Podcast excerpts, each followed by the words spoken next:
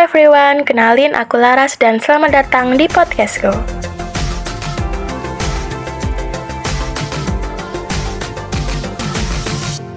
Dengan bertema relationship, aku akan menceritakan kisah-kisah asmara para remaja nih.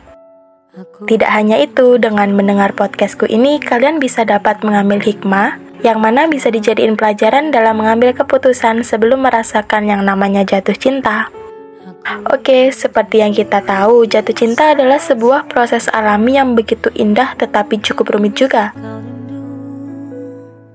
Jika kita perhatikan, orang yang sedang jatuh cinta akan terlihat aneh dan konyol, bahkan bisa melakukan hal-hal di luar akal sehat.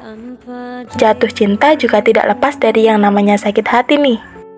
Seru kan? Untuk lebih lanjutnya, kalian bisa dengerin cerita-cerita asmara yang dijamin seru banget di podcastku ini. Kalian bisa dengerin setiap Selasa dan Jumat pukul 8 malam. Banyak episode-episode yang dijamin bikin kalian ketagihan. Oke, okay, thank you semua. Sampai bertemu kembali. Bye bye.